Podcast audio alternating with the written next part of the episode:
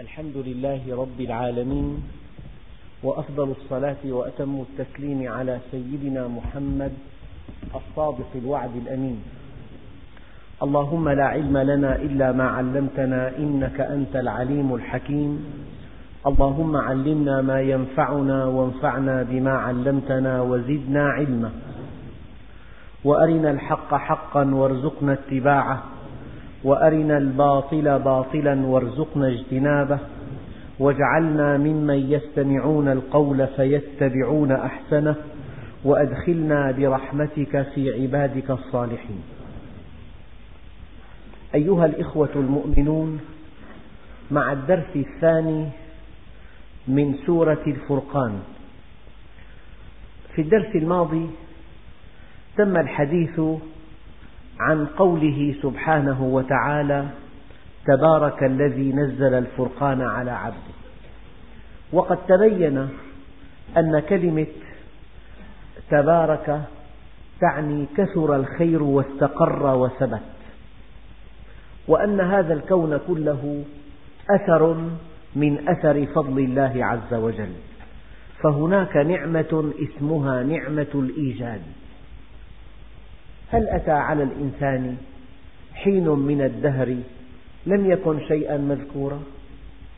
كل واحد منا لولا أن مشيئة الله شاءت أن يكون لما كان.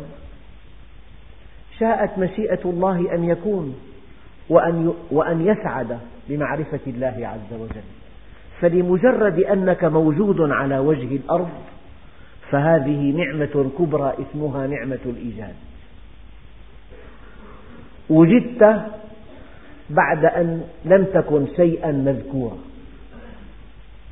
ولو أن الله سبحانه وتعالى أوجدنا فحسب ولم يهدنا إليه لكان لكانت النعمة غير تامة.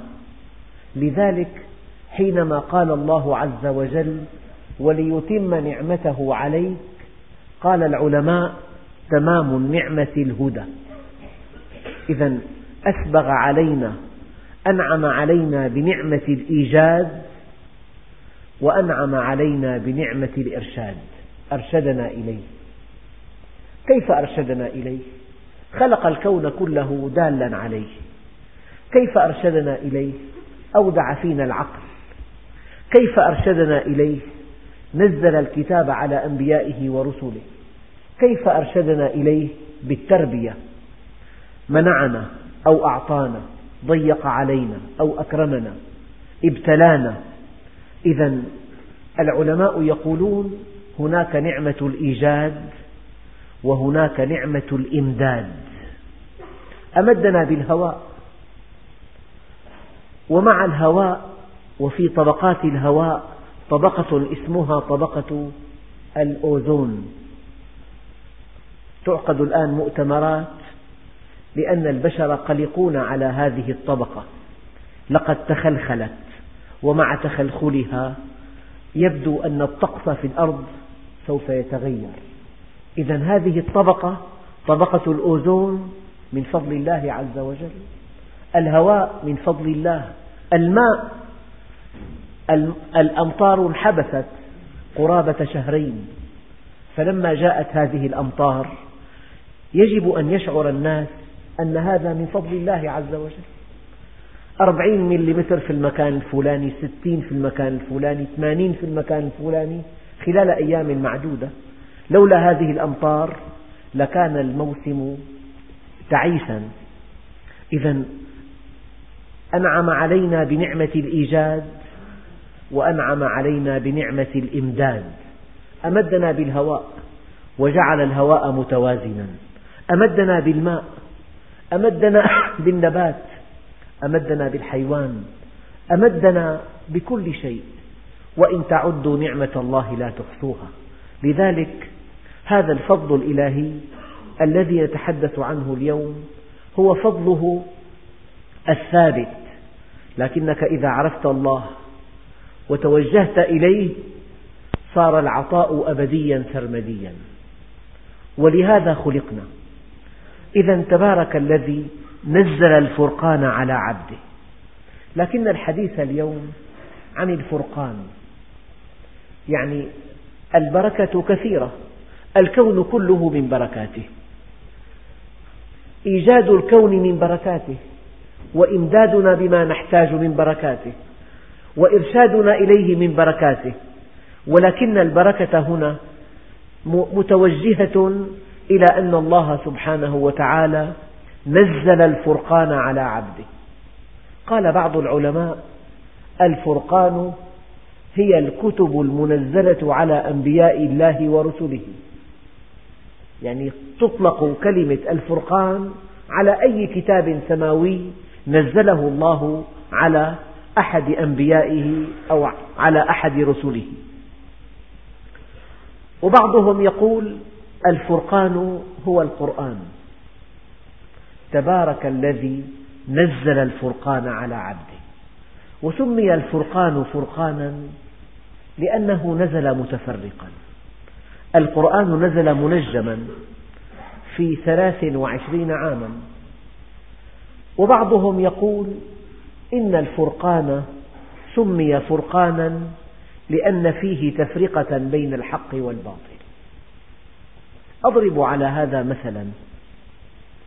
لو أنك دخلت إلى غرفة وفي هذه الغرفة ألف, قطع ألف قطعة من معدن أصفر. وقيل لك إن من بين هذه القطع الألف مئة قطعة من الذهب الخالص. ومئة قطعة من ذهب نسبته أقل. ومئة قطعة من ذهب نسبته أقل ومئة قطعة من حديد مطلي بالذهب من نحاس مطلي بالذهب ومئة قطعة من نحاس ملمع ومئة قطعة من معدن رخيص مصبوغ بلون أصفر. وعليك أن تبقى في هذه الغرفة ساعة واحدة ولك أن تأخذ من بين هذه القطع الألف مئة قطعة. أنت تحتاج إلى ماذا؟ تحتاج إلى مقياس تعرف به الذهب الخالص كتاب الله عز وجل كأنه يفرق لك بين الحق والباطل بين الخير والشر بين ما يجب أن تأخذه وما يجب أن تدعه بين ما ينفعك وبين ما يضرك بين ما هو مجد لك وبين ما هو غير مجد لك فالفرقان سمي الفرقان فرقانا لأنه به تفرق بين الحق والباطل. تفرق بين الخير والشر. تفرق بين الحلال والحرام. تفرق بين ما ينفعك وما لا ينفعك. أيها الإخوة الله سبحانه وتعالى يقول في القرآن الكريم إن هذا القرآن يهدي للتي هي أقوم يعني أنت إذا قرأت القرآن تعرف كيف تعامل الناس تعرف كيف تتصرف كيف تقف المواقف المشرفة تعرف كيف تأخذ شيئا تطيب نفسه نفسك به تعرف كيف تجتنب المنكرات. إن القرآن الكريم فرقان تفرق به بين الحق والباطل. إنه مقياس. بعض علماء القرآن يقولون القرآن كلام الله وفضل كلام الله على كلام خلقه كفضل الله على خلقه النسبة نفسها بين خالق الكون وبين مخلوق صغير كذلك الفرق بين كلام الله عز وجل وبين كلام خلقه فالقرآن كلام الله المنزل على نبيه المنزل على نبيه المنقول بتواتره. هذا القرآن الكريم نقله الجمع الغفير العدول الضابطون عن جمع غفير من عند النبي عليه الصلاة والسلام إلى يومنا هذا. فمن تعريفات القرآن الكريم أنه كلام الله المنزل على نبيه المنقول بتواتره. المتعبد بتلاوته. إذا تلوت القرآن الكريم فأنت في عبادة. إذا تلوته إذا تلوته حق تلاوته فأنت في عبادة. ومن حق تلاوته أن تحسن قراءته. ومن حق تلاوته أن تتدبره. ومن حق تلاوته أن تطبقه. المتعبد بتلاوته المتحدى بنظمه. قل لئن اجتمعت الإنس والجن على أن يأتوا بمثل هذا القرآن لا يأتون بمثله. ولو كان بعضهم لبعض ظهيرا. المتحدى بنظمه. المعجز بمضمونه. يعني العلماء اكتشفوا أن الأرض فيها جاذبية. والجاذبية بشكل أو بآخر هو ما يسمى وزن الأشياء. فكل شيء يندفع إلى الأرض. كل شيء ينجذب إلى الأرض. قوة جذبه إلى الأرض هي قوة هي وزنه. فهذه الجبال وهذه الهضاب وهذه البحار بل وهذه الطبقات الهوائية كلها منجذبة إلى الأرض. ونحن على سطحها والأبنية وكل شيء. ربنا سبحانه وتعالى يقول ألم نجعل الأرض كفاتا؟ كفت يكفت كفتا أي ضم يضم وجذب يجذب وجمع يجمع. فالأرض كفات تجذب كل شيء عليها أحياء وأمواتا. الميت ينجذب إليها والحي وهو يمشي على سطحها منجذب إليها. ولولا انجذابه إليها لما مشى على سطحها لطار في الهواء. وحالة انعدام الوزن معروفة. فلذلك آيات القرآن الكريم فيها إشارات دقيقة إلى أصول العلم الحديث. فما من كشف علمي إلا والقرآن الكريم أشار إليه قبل ألف وأربعمائة عام تقريبا.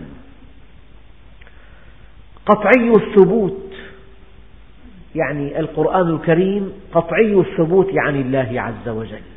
فإذا كان في القرآن وعد أو كان فيه وعيد أو كان فيه قاعدة أو سنة فهي قطعية الثبوت. مصداقيته مئة في المئة. فإذا تيقنت من أنه قطعي الثبوت عن الله عز وجل وفيه تحذير أو فيه بشارة أو فيه إنذار فينبغي أن تقف منه الموقف الذي يليق أن تقفه من خالق الكون. لا ريب فيه لا يأتيه الباطل من بين يديه ولا من خلفه.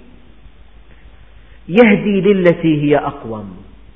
طبق توجيهات القرآن الكريم في حياتك الزوجية. يهديك للطريقة المثلى في معاملتك للزوجة. طبق آيات القرآن الكريم في بيعك وشرائك يهديك إلى الطريقة المثلى طبق آيات القرآن الكريم في علاقاتك بالناس يهديك للتي هي أقوم. طبق آيات القرآن الكريم في علاقتك بالله عز وجل ترى أن الصلة محكمة بالله عز وجل. إذا يهدي للتي هي أقوم. لا يحزن قارئه. الأمر كله بيد الله. فلا تدع مع الله إلها آخر فتكون من المعذبين. لا يحزن قارئه. كيف تحزن؟ والله سبحانه وتعالى صاحب الأسماء الحسنى وصاحب الصفات الفضلى. رحيم غفور غني قوي مجيد ودود عطوف. كيف تحزن؟ والأمر كله إليه. ربنا سبحانه وتعالى طمأنك. فقال إليه يرجع الأمر كله فاعبده وتوكل عليه. لا يحزن قارئه. وهو كما قال الإمام علي كرم الله وجهه نور لا يطفأ مصباحه. نور. فمن قرأ القرآن الكريم قذف الله في قلبه النور. والله الذي لا إله إلا هو هذا الذي يقرأ كلام الله عز وجل. ويفهمه ويطبقه كأنه كوكب دري يمشي على وجه الأرض. نور لا يطفأ مصباحه وسراج كما قال سيدنا علي لا يخبو توقده. يعني الإنسان أحيانا يكون قلبه بارد فاتر. لو أنه قرأ القرآن الكريم يتقد قلبه حبا لله عز وجل يتقد قلبه حبا للخير. يتقد قلبه عطفا على الناس يتقد قلبه شوقا إلى الله عز وجل. هذا القلب بين أن يكون قلبا متصحرا باردا جامدا لا يتحرك لا ينبض بمحبة وبين أن يكون القلب متقدا بمحبة الله عز وجل. لو أنك قرأت القرآن الكريم لاتقد قلبك محبة لله عز وجل. وبحر لا يدرك قعره. كلما تلوته كشف الله لك عن معان لم تكن تعرفها من قبل. كلما زدته فكرا زادك معنى لا يبلى على كثرة الترداد. لا يخلق على كثرة الترداد. كلما قرأته تزداد به بالله معرفة. كلما تلوته كشفت لك عن بعض أسراره. كلما تلوته كشف لك عن بعض الحكم من نظم هذه الآيات. فالكتاب الذي لا يمل والكتاب الذي لا يترك هو كلام الله عز وجل. ومنهاج لا يضل سالكه كما قال سيدنا علي كرم الله وجهه.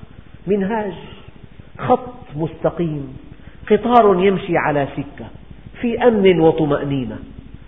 مركبة تمشي على طريق معبد لا ترى فيه عوجا ولا أمتا تمشي في طمأنينة. لكن الذي يدع كلام الله عز وجل كأنه يمشي في طريق وعرة. قد يفاجأ بحفرة ما لها من قرار قد يفاجأ بصخرة لا يمكن أن يتجاوزها قد يفاجأ بمخاطر. لكنك إذا سرت على هدي الكتاب الكريم لا تضل ولا تشقى. وفرقان لا يخمد برهانه كأنه مقياس. بعض العملات الدولية يعني تكشف صحتها من زيفها بجهاز. تدخل هذه العملة إلى الجهاز فيتألق ضوء بنفسجي اللون. إذا صحيحة. لو تألق ضوء أبيض اللون لكانت مزورة. فهذا القرآن الكريم بشكل أو بآخر أية قضية عرضتها عليه ينبئك ما إذا كانت حقا أو باطلا. أية قضية في العلاقات الاجتماعية في الصفات النفسية في العلاقات المالية في فهم ما, مضى في فهم ما سيكون. هذه القضايا العلمية والتاريخية والاجتماعية والنفسية هذه كلها لو عرضتها عليه لكان المقياس صحيحا. فرقان لا يخمد برهانه وتبيان لا تهدم أركانه ولا زلنا مع الإمام علي كرم الله وجهه في وصف القرآن الكريم. وشفاء لا تخشى أسقامه من تعلم القرآن فظن أن أحدا أوتي خيرا منه فقد حقر ما عظمه الله. من تعلم القرآن فظن أن أحدا أوتي خيرا منه فقد حقر ما عظمه الله. يعني أنت إذا عرفت القرآن عرفت المنهج الأمثل الله سبحانه وتعالى يقول الحمد لله الذي خلق السماوات والأرض. الحمد لله الذي أنزل على عبده الكتاب. فالكتاب في كفة والكون في كفة. الكون هو من خلق الله والكتاب منهاج الله عز وجل. فإذا أنت موجود أنت جزء من هذا الكون. فإذا عرفت المنهج فقد عرفت كل شيء. لهذا يقول عليه الصلاة والسلام القرآن غنى لا فقر بعده ولا غنى دونه. إذا عرفت القرآن عرفت كل شيء. لهذا جاء في القرآن الكريم قوله تعالى ومن يؤت الحكمة فقد أوتي خيرا كثيرا. إنك إذا عرفت ما في هذا الكتاب من قواعد ثابتة لن تقع في غضب الله عز وجل ولن تستحق من الله العقاب. تغدو حياتك في أمن وسكينة. أما إذا وضع هذا القرآن جانبا وتحرك الإنسان وفق شهوته ومزاجه فلا بد من أن يأخذ ما له وما ليس له. لا بد من أن يقع في الحرام لا بد من أن يقع في العدوان. لذلك يأتي ربنا سبحانه وتعالى يأتي علاج الله عز وجل فيوقفه عند حده فالسعيد من عرف القرآن في مقتبل حياته فبنى علاقاته كلها فبنى علاقاته كلها وفق هذا المنهج الصحيح. وفرقان لا يخمد برهانه وتبيان لا تهدم أركانه وشفاء لا تخشى أسقامه. يعني ربنا عز وجل قال إن الله يحب التوابين يحب المتطهرين. يا أيها الذين آمنوا لا يسخر قوم من قوم عسى أن يكونوا خيرا منهم ولا نساء من نساء عسى أن يكن خيرا منهن. ولا تلمزوا أنفسكم ولا تنابذوا بالألقاب بئس الاسم الفسوق بعد الإيمان.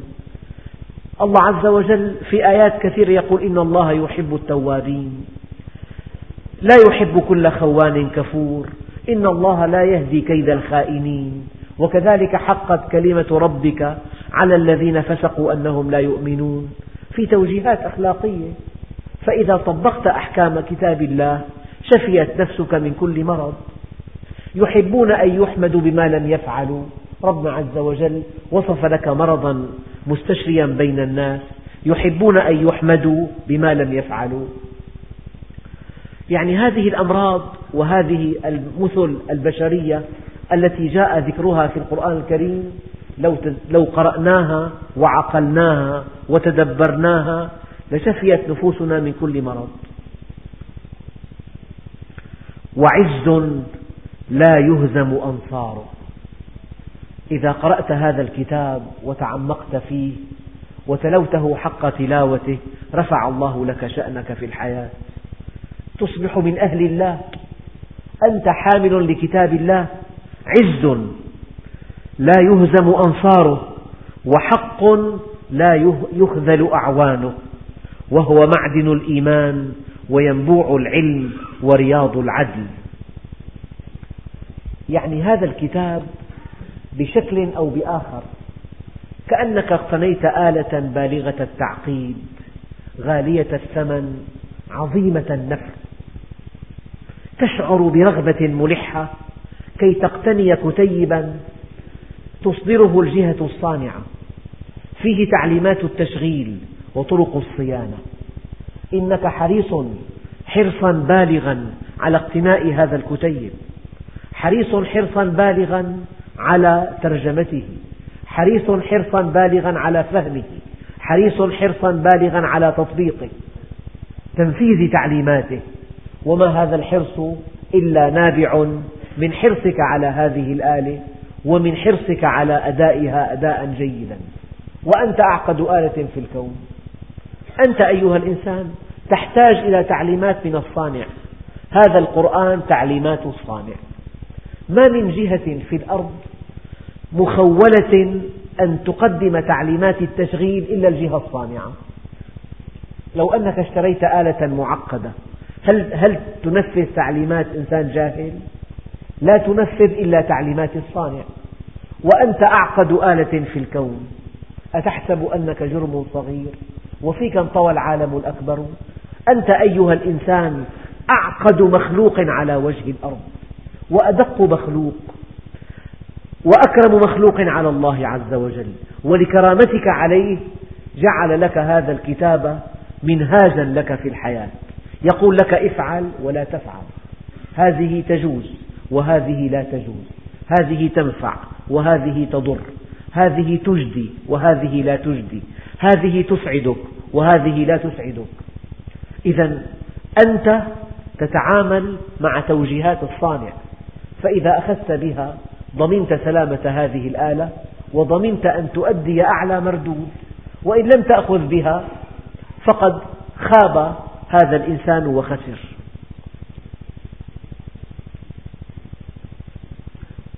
فتبارك الذي نزل الفرقان على عبده ليكون للعالمين نذيرا. في شيء دقيق جدا هو أن الله سبحانه وتعالى قال فمن فمن اتبع هداي فلا يضل ولا يشقى. وهذا هدى الله عز وجل. فمن اتبع هداي يعني مثل بسيط. أحيانا ينشب بين الزوجين خلاف. أول كلمة يقولها الزوج اذهبي إلى بيت أهلك. تذهب هذه الزوجة إلى بيت أهلها والمشكلة يسيرة وطفيفة. أطرافا أطراف أخرى يسهمون بتكبير هذه المشكلة. لو أن هذا الزوج قرأ كتاب الله عز وجل وقرأ توجيهات الله عز وجل لا تخرجوهن من بيوتهن. ولا يخرجن إن أكبر مشكلة تغدو صغيرة إذا بقيت الزوجة في بيت زوجها. وإن أصغر مشكلة تغدو كبيرة إذا خرجت الزوجة من بيت زوجها. فهذا توجيه إلهي للأزواج. من طبقه سعد ومن خالفه شقي. ربما انتهى الأمر إلى الطلاق وكثيرا ما ينتهي الأمر إلى الطلاق. ربنا سبحانه وتعالى يقول وعسى أن تكرهوا شيئا وهو خير لكم. وعسى أن تحبوا شيئا وهو شر لكم. والله يعلم وأنتم لا تعلمون. هذا توجيه إلهي. الشيء قد لا يعجبك قد لا يسعدك وقد يكون الخير كامنا فيه. فإذا استسلمت لله عز وجل ورضيت بأمره وقضائه سعدت في الدنيا والآخرة. الله سبحانه وتعالى يقول لك واصبر بحكم ربك وهذا حكم الله عز وجل. إذا كنت تقرأ كتاب الله عز وجل لا تبقى متوازنا لا يختل التوازن لا تنهار النفس. هذا التوازن شيء مهم جدا في الصحة النفسية. إيمانك بكلام الله عز وجل سبب لهذا التوازن. الشيء الذي يقلق الناس في الدنيا الحزن الذي يأكل قلوبهم إذا فاتهم شيء منها أو توقع المجهول. توقع, توقع المجهول الذي يبعث في النفس الخوف. الله سبحانه وتعالى يقول فمن تبع هداي فلا خوف عليهم ولا هم يحزنون. لا خوف عليهم في الدنيا ولا هم يحزنون عند فراقها. إذا هذا من بركات القرآن الكريم. الحمد لله الذي نزل الفرقان على عبده. أنت إذا تلوت كلام الله عز وجل لا تحزن. ربنا سبحانه وتعالى وجهك فقال فلا تدع مع الله إلها آخر فتكون من المعذبين. يعني أحد أكبر أسباب العذاب النفسي أن تدعو مع الله إلها آخر. فإذا وحدت الله عز وجل وحدته فقد سعدت. وهذا توجيه إلهي في كتاب الله عز وجل. أحيانا تكون دنياك متواضعة ودنيا الفجار عريضة. فإذا كنت في غيبوبة عن كلام الله عز وجل إذا كنت بعيدا عن كلام الله قد يأتي بقلبك اليأس. أنا على استقامتي وعلى طاعتي لله وعلى طهارتي. أنا أعيش في ضيق شديد. وفلان وفلان وفلان وعلان. في بحبوحة كبيرة وهم يعصون الله ليلا ونهارا. إذا تلوت كلام الله عز وجل حيث يقول الله عز وجل فلما نسوا ما ذكروا به فتحنا عليهم أبواب كل شيء حتى إذا فرحوا بما أوتوا أخذناهم بغتة عندئذ ترضى. إذا تلوت قول الله عز وجل أفمن وعدناه وعدا حسنا فهو لاقيه؟ كمن متعناه متاع الحياة الدنيا ثم هو يوم القيامة من المحضرين. ترضى. إذا تلوت قوله تعالى أم حسب الذين اجترحوا السيئات أن نجعلهم كالذين آمنوا وعملوا الصالحات سواء محياهم ومماتهم؟ ترضى. إذا تلوت قوله تعالى ومن يطع الله ورسوله فقد فاز فوزا عظيما. ترضى. هذا هو الفوز العظيم. إذا تلوت قوله تعالى قد أفلح من زكاها وأنت في طريق تزكية النفس ترضى. يعني هذا القرآن شفاء لما في النفوس. والله الذي لا إله إلا هو. لا يقرأ هذا القرآن مؤمن صادق قراءة كما أرادها الله عز وجل إلا شفيت نفسه من كل مرض.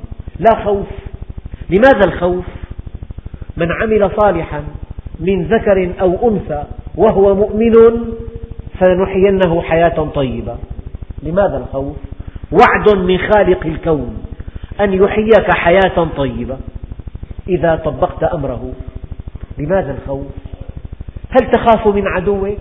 يقول الله عز وجل على لسان سيدنا داود هود فكيدوني جميعا ثم لا تنظرون إني توكلت على الله ربي وربكم ما من دابة إلا هو آخذ بناصيتها.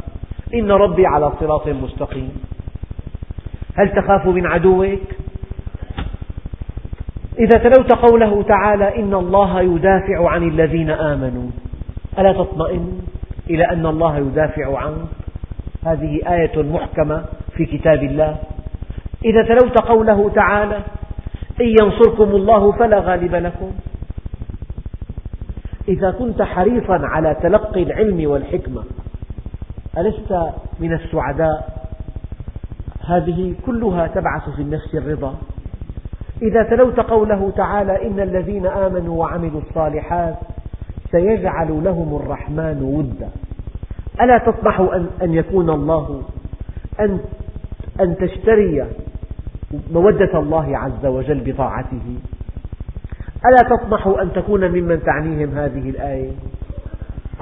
إذا تلوت قوله تعالى فإنك بأعيننا ألا تتمنى أن تكون ممن ينطبق عليهم هذه الآية؟ القرآن شفاء لما في النفوس يبعث في النفس الطمأنينة والرضا والثقة برضاء الله عز وجل يحقق توازن نفسي بين الدين والدنيا بين الدنيا والآخرة. هذا كله من بركات القرآن الكريم. لذلك الله عز وجل قال تبارك الذي نزل الفرقان على عبده. إذا فاتك شيء من الدنيا وتلوت قوله تعالى وما أوتيتم من شيء من شيء فمتاع الحياة الدنيا وزينتها. وما عند الله خير وأبقى. أفلا تعقلون؟ ألا تحس أن الدنيا كلها لا قيمة لها أن الدنيا كلها لا قيمة لها وأن رضوان الله عز وجل أثمن ما فيها. هذا القرآن الكريم إذا قرأته وتدبرته وعقلت ما فيه كنت أسعد الناس. يجب أن تقول إذا قرأت القرآن أنا أسعد الناس. أنا أسعد الناس إلا أن يكون أحد أتقى مني فهو أسعد مني. هكذا يجب أن تقول. الحمد لله تبارك الذي نزل الفرقان على عبده ليكون للعالمين نذيرا. من هو عبده؟ النبي عليه الصلاة والسلام. وصف في أرقى مرتبة ينالها إنسان. إما أن تكون عبدا لله قهرا وإما أن تكون عبده طواعية. كلنا عبيد لله قهرا. ولكن إذا عرفت حجمك الحقيقي وعرفت ربك معرفة تليق بك. إذا عرفته وعبدته ارتقيت إلى أرقى مرتبة ينالها مخلوق على وجه الأرض. لذلك ربنا عز وجل كرم النبي عليه الصلاة والسلام حينما قال تبارك الذي نزل الفرقان على عبده. معنى عبده الذي الإنسان الذي ينساق إلى الله يستسلم إلى الله بكل أفكاره ومشاعره وقوته وحركاته وسكناته. هذا الذي يستسلم لأوامر الله في كل أنواعها في كل حركاته وسكناته يحقق العبودية وإذا حقق العبودية فقد حقق أعلى مرتبة ينالها إنسان. الحمد تبارك الذي نزل الفرقان على عبده ليكون للعالمين نذيرا. النبي عليه الصلاة والسلام أهل لأن ينزل عليه القرآن. لذلك ربنا عز وجل يقول وبالحق أنزلناه وبالحق نزل. يعني بالحق أنزلناه مضمونه الحق وبالحق نزل نزل على إنسان مؤهل أن ينزل عليه القرآن. في الآية الأولى إشارة إلى أحقية القرآن وفي الآية الثانية أو في الكلمة الثانية إشارة إلى أحقية النبي العدنان. وبالحق أنزلناه وبالحق نزل. وإذا كنت عبد الله فعبد الله حر. النبي عليه الصلاة والسلام قال تعس عبد الدرهم والدينار. أنت عبد لمن؟ هناك من هو عبد للدرهم والدينار. ومعنى أنه عبد للدرهم والدينار يعني أنه يعصي الله من أجل الدرهم والدينار. يضيع من دينه الشيء الكثير من أجل الدرهم والدينار. يخالف كلام الله من أجل الدرهم والدينار. يضيع فرض الصلاة من أجل الدرهم والدينار. هذا عبد للدرهم والدينار. وقال عليه الصلاة والسلام تعس عبد الدرهم والدينار. وتعس عبد البطن وتعس عبد الفرج وتعس عبد الخميصة الثياب. هذا الذي يجعل نفسه خادما لشهواته كأنه جعل من شهوته إلها له فعبدها من دون الله. لكن المؤمن له صفة أخرى. فأما من خاف مقام ربه ونهى النفس عن الهوى فإن الجنة هي المأوى. تعس عبد الدرهم والدينار تعس عبد البطن تعس عبد الفرج تعس عبد الخميصة.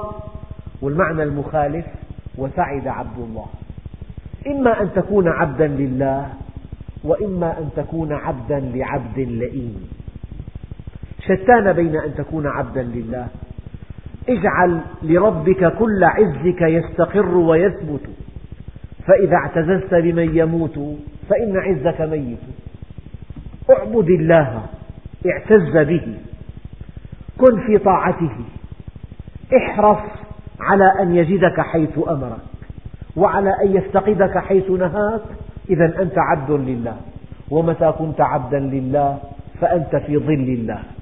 وأنت في رعاية الله. وأنت في عين الله. تنطق بتوفيق الله. تمشي بهدى من الله عز وجل.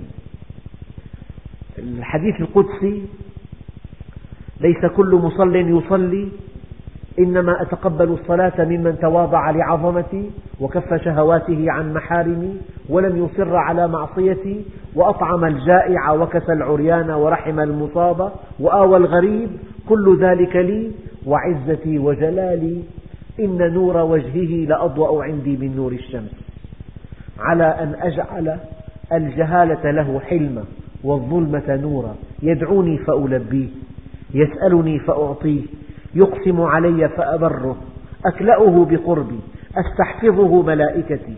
مثله عندي كمثل الفردوس لا يمس ثمرها ولا يتغير حاله. ما يزال عبدي يتقرب إلي بالنوافل حتى أحبه.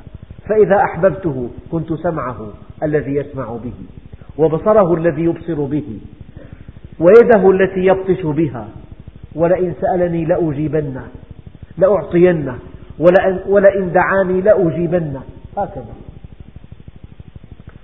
تبارك الذي نزل الفرقان على عبده ليكون للعالمين نذيرا. من هم العالمون؟ العالمون جمع عالم ولكن هذه الآية مسوقة إلى عالم الإنس والجن فقط لأنهما الصنفان من بين المخلوقات الذين كلفا بالرسالة. لذلك ليكون هذا الكتاب للإنس والجن نذيرا. لماذا نذير؟ نذير تنبيه. يعني أنت إذا سرت في طريق وفي الطريق أخطار ألا ترى إلى هذه اللوحات قبل مئة متر أو مئتي متر من المنعطف الخطر من المنحدر الزلق من الطريق الضيق من الطريق المتقاطع؟ يقول لك تقاطع خطر. أليست هذه اللوحات إنذار من جهة رحيمة لمن يمشي على هذه الطريق؟ هذا مثل بين أيدينا.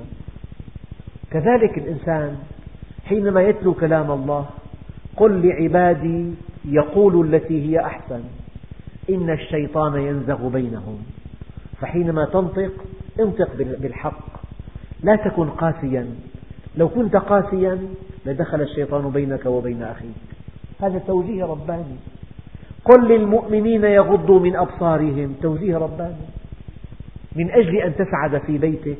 غض بصرك عن محارم الله. توجيه رباني. ولا تأكلوا أموالكم بينكم بالباطل. توجيه رباني في العلاقات المالية. فإذا طبقت هذه التوجيهات قطفت ثمارها في الدنيا. أما أن نقرأ, نقرأ القرآن الكريم من دون أن نعنى بتطبيقه فالنبي عليه الصلاة والسلام يقول رب تال للقرآن والقرآن يلعنه. وما آمن بالقرآن من استحل محارمه. تبارك الذي نزل الفرقان على عبده ليكون للعالمين نذيرا الذي له ملك السماوات والأرض ولم يتخذ صاحبة ولم يتخذ ولدا ولم يكن له شريك في الملك وخلق كل شيء فقدره تقديرا. قبل أن نصل لهذه الآية على كلمة نذير في قول للإمام الغزالي رضي الله عنه دقيق جدا ومناسب أن نتلوه عليكم في معرض هذه الآية. الإمام الغزالي يقول لو أن طبيبا حذر مريضه من بعض الأكلات التي يحبها وبين له الخطر الذي ينتظره إذا تناولها. أغلب الظن نحن جميعا تحب أكلة ما قابلت الطبيب قال لك هذه الأكلة تسبب لك التهابا في المعدة. ابتعد عنها. أغلب الظن أن جميع, جميع العقلاء ينصاعون لهذا التحذير من الطبيب. الآن سنجري موازنة بين تحذير الله عز وجل وبين تحذير الطبيب. في القرآن أوامر ونواهي ووعد ووعيد. فكيف نفسر موقف الإنسان الذي يخالف أوامر الله عز وجل؟ ونواهيه ولا يعبأ بوعده ولا وعيده. أيكون الطبيب أصدق عنده من الله؟ يعني معقول طبيب من بني البشر يقول لك هذه الأكلة التي تحبها تؤذي قلبك أو تؤذي معدتك وتصدقه. والله سبحانه وتعالى في هذا الكتاب القطعي الثبوت الذي هو كلام الله قولا واحدا يقول لك لا تفعل هذا. ولا تأكلوا أموالكم بينكم بالباطل. الطبيب يحذر فتنصاع لتحذيره والرب يحذر فلا تنصاع. أيكون الطبيب أصدق عندك من الله؟ هكذا خاطب الغزالي نفسه. يا نفس أيكون الطبيب أصدق عندك, أصدق عندك من الله؟ إذا فما أكثرك؟ يخاطب نفسه. أما إذا كان وعد الطبيب أشد إيقاعا في نفسك من وعد الله أو وعيد الطبيب؟ إذا كان وعيد الطبيب أشد إخافة لك من وعيد الله فما أجهلك أيتها النفس؟ يعني لما الإنسان يعصي الله عز وجل إما أن يكون فما أكثره أو ما أجهله وليس هناك حل ثالث إما فما أكثره أو فما أجهله. أذن أو ملخص هذا الدرس أن هذا القرآن الكريم الذي جعله الله دستورا لنا ومنهجا نسعد إذا طبقناه ونشقى إذا تركناه. ومن صفات أهل الدنيا أو من صفات الذين تنكبوا طريق الحق أنهم اتخذوا هذا القرآن مهجورا. هجران القرآن الكريم ليس أن, أن لا تقرأه. قد تقرأه ولكن إن لم يدخل في حياتك اليومية إن لم تدخل آياته في علاقاتك الاجتماعية إن لم تعظم هذه الأحكام التي جاء بها فأنت قد هجرته وإذا هجرته فقد ضللت ضلالا بعيدا. فلذلك الإنسان في بيع وشراءه لا ينسى يطبق كلام, كلام الله عز وجل. في علاقاته الاجتماعية في بيته مع زوجته مع أولاده مع من هم فوقه مع من هم دونه. ادفع بالتي هي أحسن فإذا الذي بينك وبينه عداوة كأنه ولي حميم. وما يلقاها إلا الذين صبروا. لما ربنا عز وجل يقول لك في القرآن وعاشروهن بالمعروف. أمر إلهي. وهذا الأمر يقتضي التطبيق والوجوب. فحينما تتحرك في علاقاتك الشخصية والاجتماعية وفق المزاج ووفق الهوى وتجعل هذا الكتاب مهجورا من حيث التطبيق فعندئذ يدفع الإنسان الثمن غاليا. فملخص هذا الدرس أن هذا الكتاب لا نسعد به إلا إذا طبقناه تطبيقا دقيقا. إن الذين قالوا ربنا الله ثم استقاموا تتنزل عليهم الملائكة ألا تخافوا ولا تحزنوا وأبشروا بالجنة التي كنتم توعدون. نحن أولياؤكم في الحياة الدنيا وفي الآخرة ولكم فيها ما تشتهي أنفسكم ولكم فيها ما تدعون. نزلا من غفور رحيم والحمد لله رب العالمين.